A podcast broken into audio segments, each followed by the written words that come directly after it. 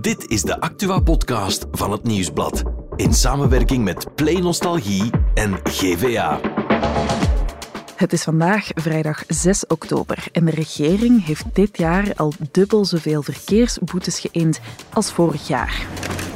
We weten wie de Nobelprijs voor de Vrede gewonnen heeft. En vandaag presenteert Sabine Hagedoren exact 30 jaar het weer. In deze Insider hebben we het over de excuses van Conor Rousseau. Hij schoffeerde de Roma-gemeenschap en deed dat in een naar eigen zeggen dronken bui. Mijn naam is Sarah van Olme en dit is The Insider.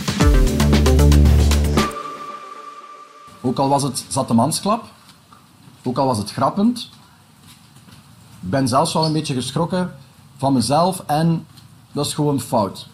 En voor die foute uitspraak, dat fout moment, wil ik mij dan ook heel duidelijk excuseren, oprecht excuseren. Het is niet de eerste keer dat we het over hem hebben. In de Insider bij ons zit Pieter Lesaffer, politiek journalist bij Nieuwsblad. Dag Pieter. Dag Saar. Ja, Conor Rousseau hij heeft een persconferentie gehouden gisteren. Misschien kunnen we kort nog eens kaderen, waar ging dat nu precies over? Waarom stond hij daar eigenlijk? Hij heeft een paar weken geleden, uh, na een avondje stappen, om zes uur s morgens aan een café op de Grote Markt van Sint-Niklaas, in een ja, dronken bui dingen gezegd tegen politieagenten die niet oké waren, die uh, racistisch waren volgens die agenten, die daar ook een PV over gemaakt hebben. En daar is uitgelekt, die, uh, dat incident, het feit dat daar een PV over gemaakt is. Mhm. Maar het is altijd wat vaag gebleven. Wat heeft hij nu precies gezegd? Wie Ja. viseerde hij? Uh, Mhm. Dat is altijd een beetje in een waas blijven hangen. Ja, nu, gisteren heeft hij daar zelf meer uitleg bij gegeven. Het zou dan gegaan zijn over de Roma-gemeenschap en dat hij daar dan dingen over gezegd zou hebben. Ehm, die persconferentie, hoe is die bij jou binnengekomen? Ehm, opvallend, is het minste wat je kan Mhm, zeggen. Oké, waarom? Waarom was die zo opvallend? Ja, omdat hij dus heeft in de plaats van in een vergaderzaaltje van, eh, op, de, op het partijhoofdkwartier van vooruit, Mhm. heeft hij gekozen voor eh, de, plaatsdelict, zou ik maar zeggen, het Ja. café in Sint-Niklaas. Mhm. Eh, hij heeft daar de pers bijeengeroepen. Mhm. Ehm, hij heeft ook, de, de timing is ook bijzonder, tien over zeven s'avonds, met eigenlijk echt de bedoeling om in de journaals live Ja, te kunnen in binnenbreken. primetime eh, televisie te zitten. Ja, en dus eigenlijk eh, live eh, in, eh, voor heel Vlaanderen eigenlijk zijn excuses te kunnen aanbieden en zijn Mhm. uitleg te kunnen doen. Ja. Waarom doet hij dat? Waarom maakt hij er zo iets groots van, maar dan toch in een, in een café, zo'n speciale setting? Waarom, waarom maakt hij er zoiets speciaals van? Ja, ik kan natuurlijk niet in zijn hoofd kijken, maar eh, ja, Conor Rousseau is een moderne showpoliticus. Hè. Mhm. Als je vergelijkt bijvoorbeeld, eh, vorig jaar eh, heeft Wouter Beke dat ook gedaan. eh, om zeven uur in primetime zijn ontslag aangekondigd als Mhm. minister. Dat was ook zo'n timing, die natuurlijk niet toevallig is, Mhm. om ongestoord voor heel Vlaanderen nog eens zijn verwezenlijkingen te kunnen zeggen. Ja, Maar ja, Conor was Rousseau anders, is Ja. Wouter Beke natuurlijk niet. nee, dit was anders, hè? ja, en dat was met een knal binnenkomen in alle huiskamers. Ik vermoed in de hoop om op die manier echt ook met die knal ineens de bladzijde te kunnen omslaan en eh, te kunnen verder gaan. Mhm. Hij heeft daar zijn excuses aangeboden, maar denk je dat die excuses zijn, zijn binnengekomen, dat, die, dat daarmee alles afgerond is? Ik merk dat de meningen daar heel verdeeld over zijn, hoe het eh, Mhm. bij mensen is binnengekomen. Ik weet niet hoe, het bij jou is binnengekomen. eh. Ik ga me daar eh, rustig neutraal in houden als journalist. Ja, allee, ik denk dat het heel persoonlijk is. Mhm. Ehm, eh, aan de ene kant ja, was hij wat, wat, wat stuntelig en kwam het allemaal wat amateuristisch over, waardoor Mhm. je ook het gevoel krijgt van, ja, maar meent hij dit hier nu of niet? ja, ja, ja. Aan de andere kant ehm, ja, heeft hij het wel gedaan, heeft hij het wel... eh, allee, de, die, kwam die show daarbij kijken ja, en, en heeft bleef hij, het wel heeft hij allee, stond hij daar met opgeheven hoofd om, Mhm. om te zeggen van ja, oké, ik, ik heb een fout gemaakt. Ja, het is een beetje afwachten hoe het nu verder evolueert. Hè. Eh, ik denk uh, de lovers uh, zullen mee zijn en de haters zullen nog eens bevestigd zijn in, uh, in waarom ze hem haten. Mm Er was nog een ander incident, um, dat met DPG Media, dat, mm -hmm. uh, dat zijn het laatste nieuws, en De Morgen, die wilde vorige week een artikel publiceren over dat PV, over dat incident in Sint-Niklaas. Maar Conor Rousseau heeft dat tegengehouden. Heeft hij het daar ook gisteren over gehad.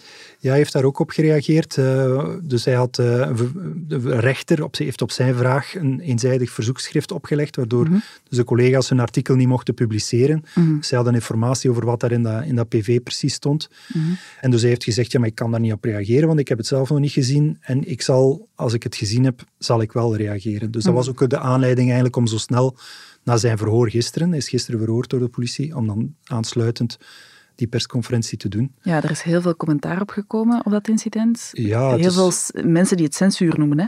Ja, ja, ik vind het persoonlijk ook uh, censuur. Dit is echt uh, de persvrijheid aan banden proberen leggen. Mhm. En daarmee zie je dat hij ook voor een stuk inspeelt op een internationale trend bij machtspolitici. Ja. een soort Trumpiaanse aanpak mm uh, om heel de, ook van de media en van journalisten eigenlijk een, de vijand te maken. En, en, dat, en, dat, te gaan thematiseren als van kijk eens, ze doen hun heksenjacht. Terwijl dat heel vaak, meestal meestal bijna uitsluitend, zou ik zelfs bijna zeggen, mm -hmm. om uh, rechtgeaarde journalisten gaan die vanuit hun eigen job en vanuit hun deontologie hun werk doen. En mhm. daar dan dat gaan afschilderen als een heksenjacht, uh, ja, is een beproefde Trumpiaanse methode die ook hij uh, Heel diplomatisch toepast. om het zo te zeggen. Beproefde Trumpiaanse methode. Ja, ja daar gaat het nog, nog veel verder. Hè. Maar ja. dit is, je merkt dat dat, dat ook in Vlaanderen bezig is, die trend. Mm -hmm.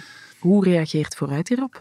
Want het lijkt mij iets te zijn dat enorm ingaat tegen de filosofie van Vooruit, die een progressieve partij probeert te zijn. Maar hoe komt dit binnen bij hen?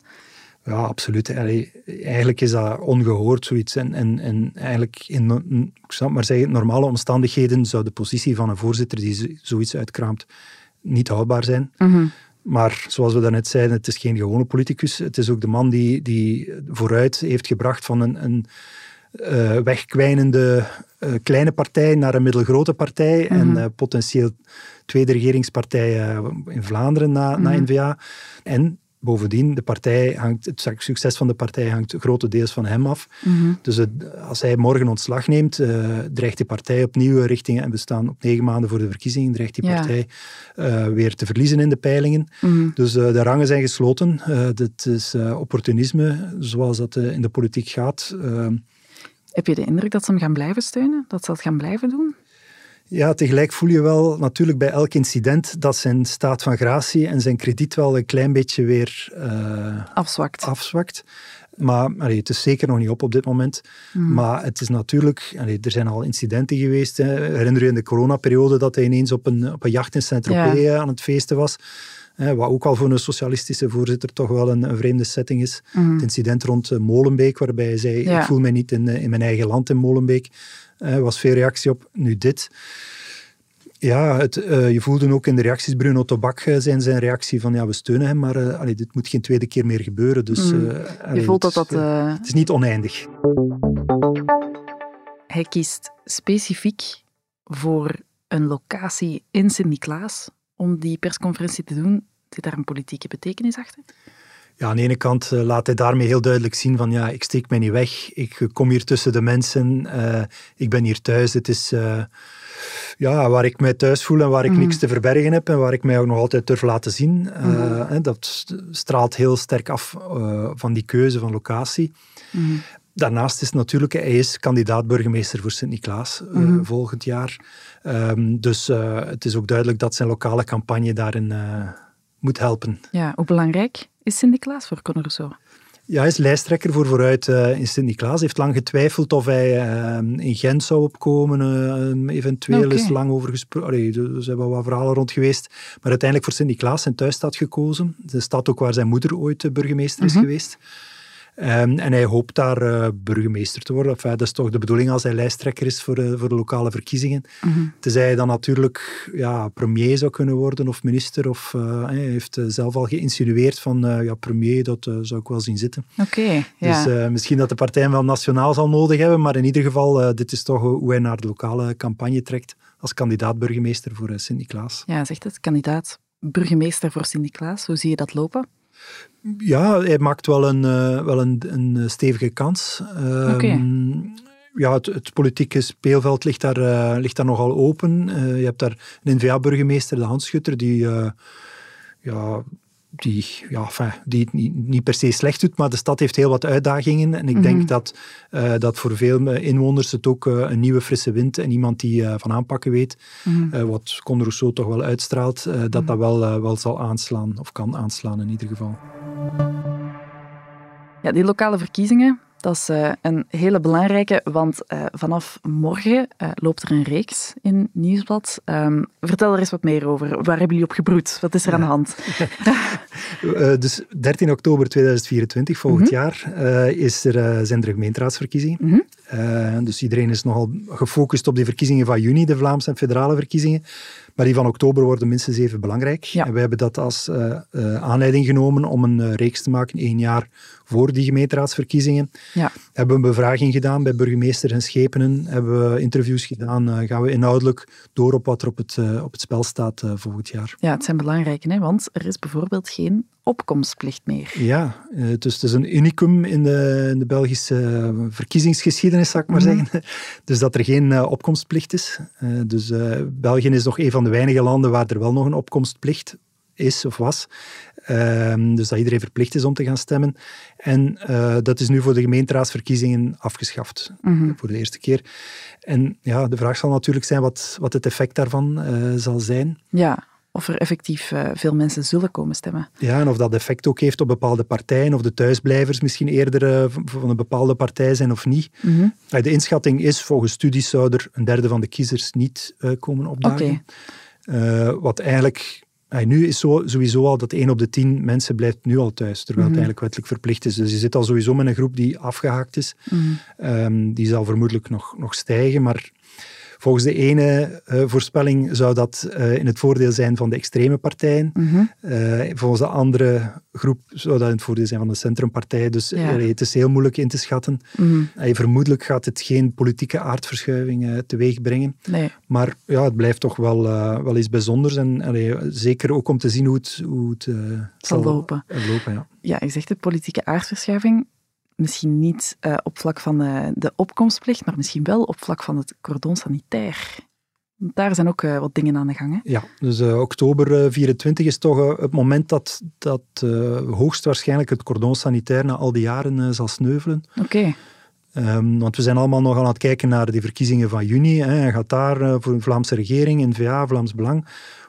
Maar allee, de kans is zeer groot dat, dat dat niet gebeurt, dat het cordon sanitair op nationaal niveau blijft standhouden, maar op lokaal niveau zie je dat dat toch heel erg aan het verschuiven is. Mm -hmm. Je ziet ook bijvoorbeeld in de Denderstreek heb je Ninove, mm -hmm. waar Guy Dazeleer met zijn Forza Ninove, die eigenlijk een Vlaams Belang afdeling is, heel dicht bij een uh, absolute meerderheid staat. Dus waar okay. eigenlijk zelfs het cordon niet moet doorbroken worden om, met, om een Vlaams Belangbestuur uh, te krijgen. Mm -hmm. um, tegelijk merk je ook, Vlaams Belang rekent nogal op uh, kleine lokale uh, onafhankelijke burgemeesters, mm -hmm. die niet geïntimideerd worden door nationale partijvoorzitters ja. die een, een cordon sanitair opleggen, maar die, die dan wel uh, Vlaams Belang erbij nemen om een scherp te kunnen behouden. Okay. Uh, dus allee, het, wordt, het wordt toch wel uitkijken, zeker omdat dan, als dan Vlaams Belang ook in juni nationaal heel goed scoort, dat die daar op die manier ook wel de wind in de zeilen hebben op, op stedelijk en gemeentelijk niveau. Mm -hmm.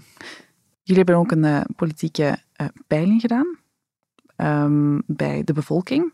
Ook mm. daar weten we volgende week uh, iets meer over. Kan je daar al iets over vertellen? Ja, dat willen we toch nog een beetje een mysterie houden. Mm -hmm. uh, want uh, je voelt wel dat uh, veel burgemeesters al aan ons mouw trekken om daar de, de resultaten van te weten. Ja. Maar die brengen we pas volgende week. En mm -hmm. dat is eigenlijk het resultaat van een peiling in, 13, in de 13 centrumsteden, waar we telkens duizend inwoners hebben bevraagd, mm -hmm. of laten bevragen door een studiebureau. En waar dus gevraagd wordt naar kiesintenties, naar wie ze als burgemeester willen. Ja. Dus dat wordt wel uitkijken. En weet wel iets over Connor. Ja, we weten al iets, maar dat gaan we toch nog voor volgende week houden. Oké, okay, dankjewel Pieter. Dat lijkt me goed om mee af te ronden. Bedankt om hier eventjes te komen toelichten. Graag gedaan. En voor het andere nieuws is Joni erbij komen zitten. Dag Joni. Dag Saar. Ja, verkeersboetes. Blijkt dat de overheid eh, er veel heeft kunnen innen dit jaar. Vertel. Ja, dubbel zoveel als vorig dubbel jaar. Dubbel zoveel? Ja, ze kunnen dat nu van uw loon of van de belastingen afhouden. En voordien moest je dan echt voor de politierechtbank verschijnen als je dat niet betaalde. En nu is het dus veel gemakkelijker om al die boetes te innen. Ja, ja vandaar dat er dus uh, heel veel zijn nu. En we weten ook wie de Nobelprijs voor de Vrede heeft gewonnen. Een heel belangrijke Nobelprijs. Ja, het is is Narges Mohammadi, een Iraanse mensenrechtenactivist. Ze is 51 jaar en ze strijdt voor mensenrechten tegen de onderdrukking van de vrouw en voor de afschaffing van de doodstraf in Iran. Ja. Ze zit zelf momenteel in de cel. Dat had ik ook begrepen, ja, inderdaad. Ze zit een straf uit van 12 jaar omdat ze propaganda tegen de staat zou verspreid hebben. Dus ja, ze is tegen de wetten van de staat. Mhm. Dus ja, daarvoor is ze gestraft. Maar het comité van de Nobelprijs hoopt nu op een vrijlating van Iran. Oké, zal ook wel een eh, boodschap zijn van het Nobelprijscomité. Inderdaad. Nu, ehm, dan gaan we nog over naar het laatste berichtje. En dat gaat over Sabine, al een tijdje zonder Frank. Ja, inderdaad. Sabine En van het Weer. ja, ze staat 30 jaar het weer te 30 presenteren jaar al. vandaag. Exact je niet 30 jaar geleden deed ze dat voor de eerste keer. Ze heeft eerst ehm lesgegeven, ze heeft ook gesolliciteerd bij chemiebedrijven, maar dan uiteindelijk is ze toch weer vrouw geworden. Ze heeft dat zelfs een tijdje gecombineerd met lesgeven. Mhm. Ehm, en dan op een bepaald moment bleven enkel zij en Frank de Bozere over. Dus er was meer mediawerk en dan is ze uiteindelijk gestopt met lesgeven. Mhm. Maar nu heeft ze ja, echt haar handen vol met radiowerk, tv-werk. Mhm. En ehm, ja, ze zegt zelf dat ze nog lang niet wil stoppen. Ja, ik heb ook begrepen dat ze een hele drukke dag heeft vandaag. Ja, dus, eh, om dat allemaal te vieren. Heel veel succes ermee, zou ik zeggen. Zeker en vast. Dankjewel, Sabine. En dankjewel, Joni, om dat hier even te komen toelichten. Dan zijn we er maandag weer met een nieuwe Insider.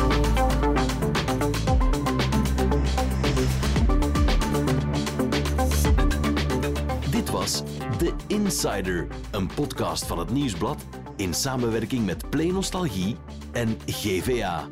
De muziek is van Pieter Santens. De montage gebeurde door House of Media. Wil je reageren? Mail naar podcast.nieuwsblad.be.